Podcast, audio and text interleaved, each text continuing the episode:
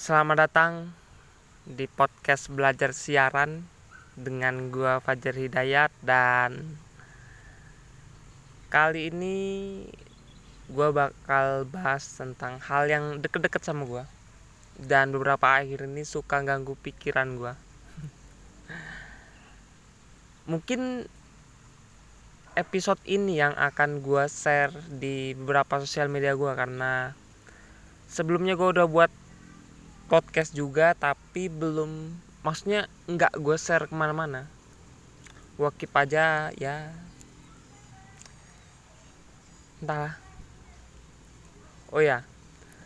Mungkin lu banyak pertanyaan tentang gue cerita gue adalah orang desa tapi ngomongnya gue gue dan lu, lu memang agak cringe tapi gue sedikit tahu ilmu marketing kalau gue menggunakan bahasa yang mungkin banyak orang mengerti mungkin juga akan relate. Ya.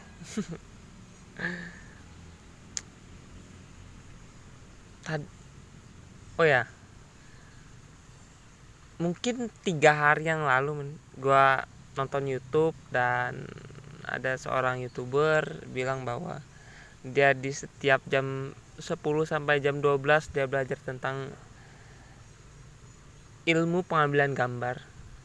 Dan dia bilang bahwa dia tidak tahu sama sekali tentang politik. Maksudnya ya nggak mau kasih effort ke ingin tahuan terhadap politik ya. Di situ seketika gue mulai mikir bahwa apa mungkin gue mengambil jalan yang sama? Maksudnya gue ada ketertarikan terhadap dunia politik karena menurut gue politik adalah itu kayak boneka orang Rusia lo, lo tau gak men? Boneka gue juga nggak tahu apa namanya ya tapi mungkin lo orang tahu bahwa di dalam boneka ada boneka lagi ada boneka lagi ada boneka lagi di dalamnya dari kayu biasanya. Dan mungkin politik juga kayak gitu maksudnya maksud gue adalah akan selalu ada maksud yang sesuai dengan layernya. Ketika seorang pemimpin ngomong dia bicara sama penduduknya bahwa dia akan memakmurkan desa kemudian masuk layer yang paling dalam ternyata dia ingin mencari kebanggaan atas nama dan derajat keluarga. Kemudian dari lubuk hati yang dalam juga ternyata dia ingin inginkan kekayaan dan kemapanan. Ya. Menurut gue politik kayak gitu men. Ya mungkin akan gue cari lagi apa nama bonekanya. Dan mungkin gue juga akan mengambil jalan itu. Gue tidak maksudnya ya mengurangi kesukaan gue membaca terhadap berita-berita. Kemudian gue akan lebih fokus ke arah keprofesian gue yang mungkin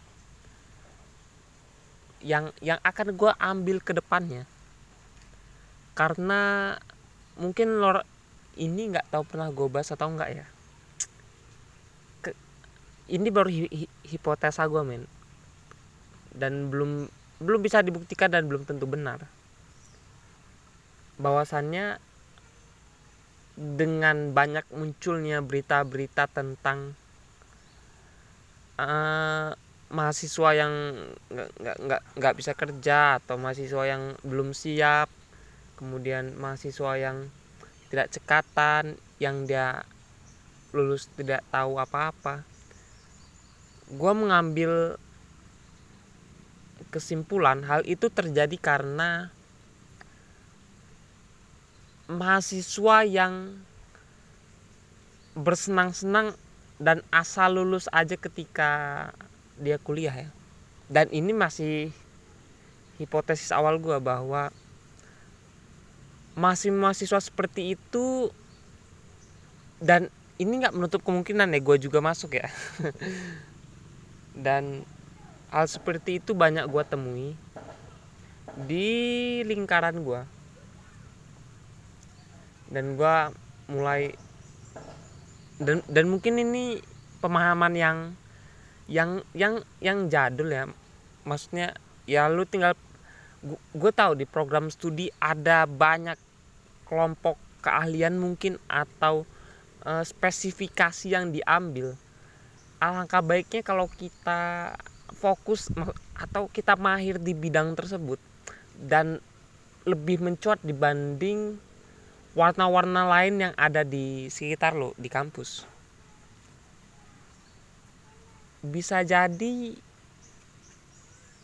ya walaupun dalam hal mendapatkan pekerjaan bukan hal itu aja yang yang menjadi variabel yang mungkin dia ada apa apa kenalan atau atau orang da bukan orang dalam ya atau bapaknya punya perusahaannya atau ada permainan-permainan di bawahnya ya terutama BUMN ya.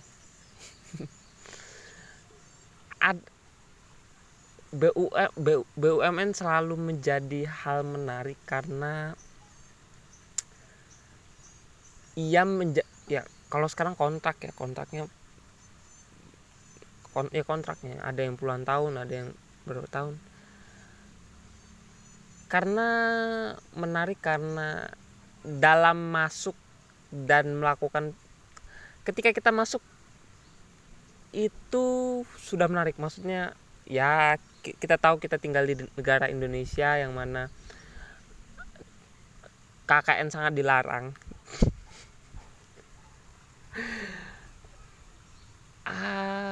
gua rasa bukan di BUMN ya, di, di di banyak faktor mungkin.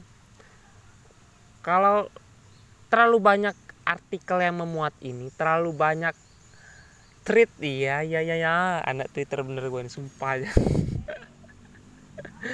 Dan terlalu banyak jawaban-jawaban di kuara yang jawab itu. Dan gue sudah nggak kaget ya maksudnya gue udah pernah bilang bahwa gue ada titik di mana gue nggak mungkin bisa merubah ini ada satu analog analogi bagus men. Dari salah satu guru gue dia bilang bahwa pol hmm, apa pun itu ya sistem yang buruk itu kayak se, se sistem yang buruk itu kayak lumpur men. Ya lumpur. Sistem yang buruk itu seperti lumpur, katanya. Kemudian jika seseorang dianggap sebagai kerbau, maka ketika kerbau itu masuk lumpur untuk mendinginkan badannya, kemudian dia keluar dari lumpur itu, maka badannya akan penuh lumpur dan itu sih bener ya men. maksudnya ketika lu terjun politik ketika lu terjun ke sistem yang buruk atau bahkan sistem yang baik sekalipun lu akan meninggalkan bekas yang baik entah itu kedisiplinan entah itu sistematika kerja dan ya kemudian terjadi dikotomi ya ya entah men Indonesia tidak akan lepas jauh-jauh dari dikotomi. Maksudnya di mahasiswa kemudian dipecah ada yang walaupun gua nggak sependapat ya sama ini. Mahasiswa dipecah ada yang suk ada yang pintar sekali dan dia yakin bahwa nilainya akan uh, akan membuat dia mudah masuk kerja. Kemudian ada mahasiswa yang mengatakan bahwa ikutlah banyak organisasi maka kamu akan mendapatkan banyak kenalan dan kamu akan mudah mudah mendapatkan kerja. Dua dua maksudnya dua hal tersebut mari coba ya gue anggap itu adalah hitam dan putih. Gue nggak mau di antara keduanya men. Maksudnya ya lebih tepatnya gue tidak akan mengeluarkan argumen gue untuk menyatakan bahwa gue adalah di hitam atau gue ada di putih atau bahkan gue ada di abu-abu gue nggak akan bilang itu. Dan sing kalau gue nggak nggak bilang itu maka gue nggak akan terjebak di situasi yang mana ke, pernah nggak sih lo yang yang yang yang lagi ketemu gitu kemudian? A, ada, ada ada yang cerita gue dan dan ada yang menilai bahwa apa dan ada yang menilai bahwa ya pilihan lo salah dan gue nggak mau pilihan gue disalahin men. Dan lebih baik gue diam. Tidak mengambil porsi antara hitam dan putih atau bahkan abu-abu. Dan kan gue pernah tadi ya ta, tadi gue bilang bahwa di program studi ada namanya spesifikasi lebih khusus atau kelompok keahlian atau spesialisasi. Dan gue sudah memilih itu sejak sejak semester 3 mungkin. Gue sudah fix ngambil itu. Gue sudah mikirkan matang-matang walaupun belum gue pelajari ya mata kuliahnya di di kampus. Dan menariknya adalah pengenalan itu gue dapat dari media sosial. Maksudnya pengenal pengenalan bagaimana ruang ruang lingkup kerja gue bagaimana. Dan itu gua gua kerucutkan pada media sosial Instagram. Dan gue banyak banyak maksudnya ternyata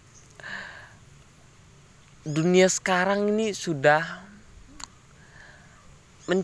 mencapai titik titik tertinggi. Maksudnya kalau di zaman dulu men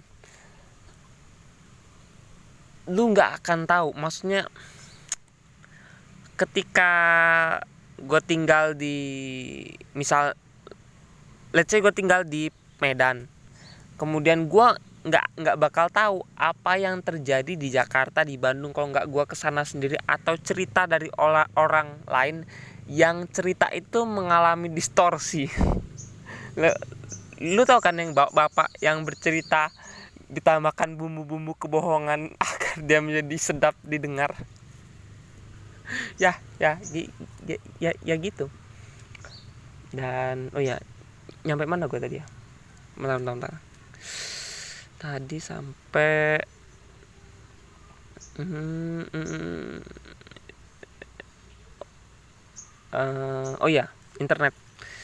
Dan dulu kalau diibaratin itu kayak kumpulan bola masa kayak bubble-bubble yang dari apa sabun itu ya ya kayak gitu men.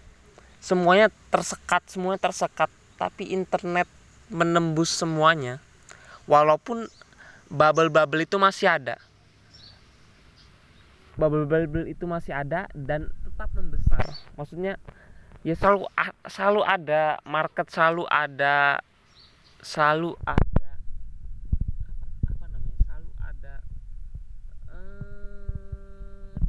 tipenya selalu ada tipe-tipenya.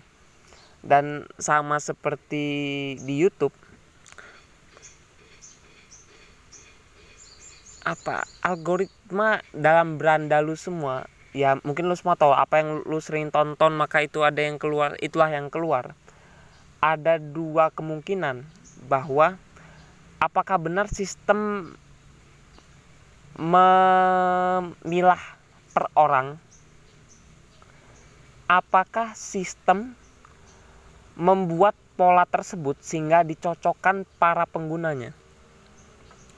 Dan gue lebih cenderung ke arah nomor dua ya karena jika kita mengambil sampel per orang per orang maka data yang dibutuhkan ada miliaran. Dan itu terus berjalan. Atau mungkin dikombin ya. Maksudnya tapi ter, kalau dikombin terlalu rumit juga. Ya. Oh ya sampai oh ya ke, ke provision men. Sorry sorry sorry. Dan oh ya hari ini gue nggak pakai script. Dan bagi yang lu denger ada suara itu adalah percikan air men. Dan salah satu gue nggak tahu pernyataan guru gue ini bener atau enggak guru SMP gue dia bilang bahwa cara belajar kuantum adalah ketika kita duduk melingkar kemudian ada suara percikan air dan itu menenangkan ya mungkin menenang menenangkan iya tapi untuk cepat menangkap gue belum tentu ya oh ya sampai ay sorry men gue suka lompat-lompat.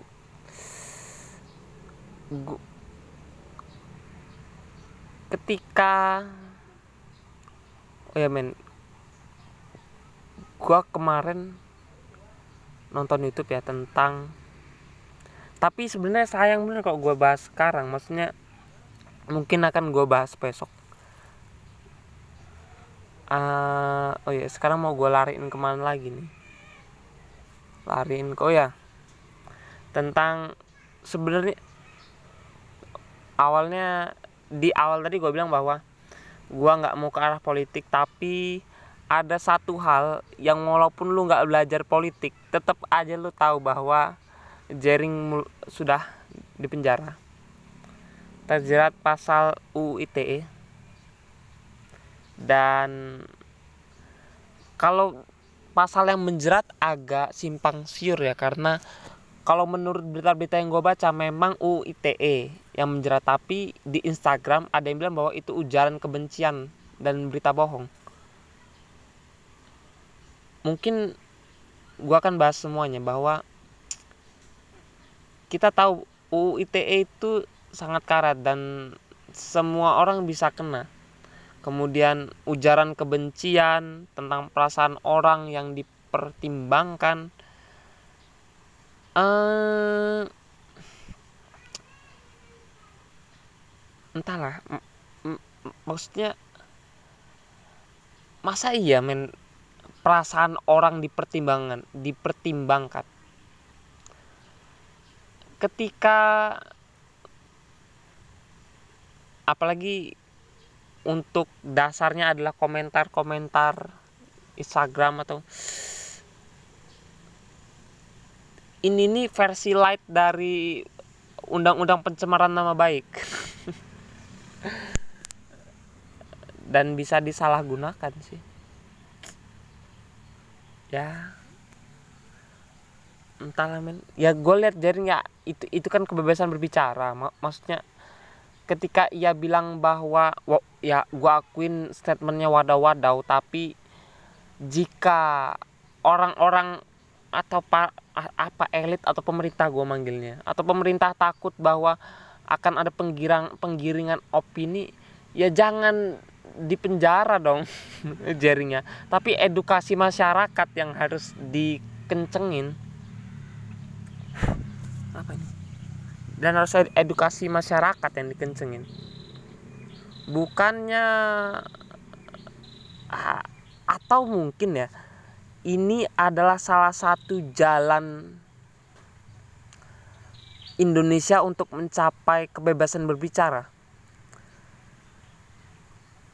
Kalau kita ambil kiblatnya di Amerika Serikat, walaupun ya ekosistem di Amerika Serikat belum belum maksudnya tidak cukup baik juga, tapi di kalau nggak salah First Amendment Amerika tidak mengatur tentang perasaan. Nggak tidak ada apa penuntutan karena perasaan nggak ada men. Dan oh ya dan Indon eh, Amerika sudah ratusan tahun merdekanya dan banyak orang di penjara karena kebebasan berpendapat ketika Indonesia masih 70 mau mau 75 tahun. Ketika Indonesia udah mau 75 tahun gue cukup pesimis kalau Indonesia mencapai kebebasan berpendapat yang ideal karena kita tahu yang masuk yang masuk penjara masih sedikit ada puluhan atau orang-orang Amerika yang penjara, dipenjara karena ya berpendapat. Dan uh, gua gua mau cerita apa lagi ya?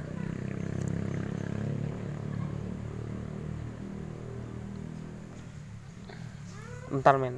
Gua gua temanya akan gua lebarin lagi. Maksudnya gue suka bingung ya sama yang gimana gue sebutnya? Gue bingung sama etika men. Karena untuk Indonesia sendiri adalah negara yang kaya kemudian budayanya berbeda dan tentu itu berbanding lurus dengan etikanya ketika gua beretika di daerah atau di Lampung di Lampung sendiri yang mana persaudaraannya sangat erat ketika gua di di di nah ini ini ini nggak nggak nggak nggak nggak nggak bisa gua lanjutin lagi nih. Terlalu berbahaya. Intinya etika di setiap daerah sangat berbeda-beda dan gue terlalu capek kalau terjadi apa et, attitude shock atau gimana ya? Ketika gue ber, berpindah daerah maka etika itu kan berubah kemudian gue akan disalahkan dan ketika gue berpindah lagi gue akan disalahkan lagi dan ya entahlah.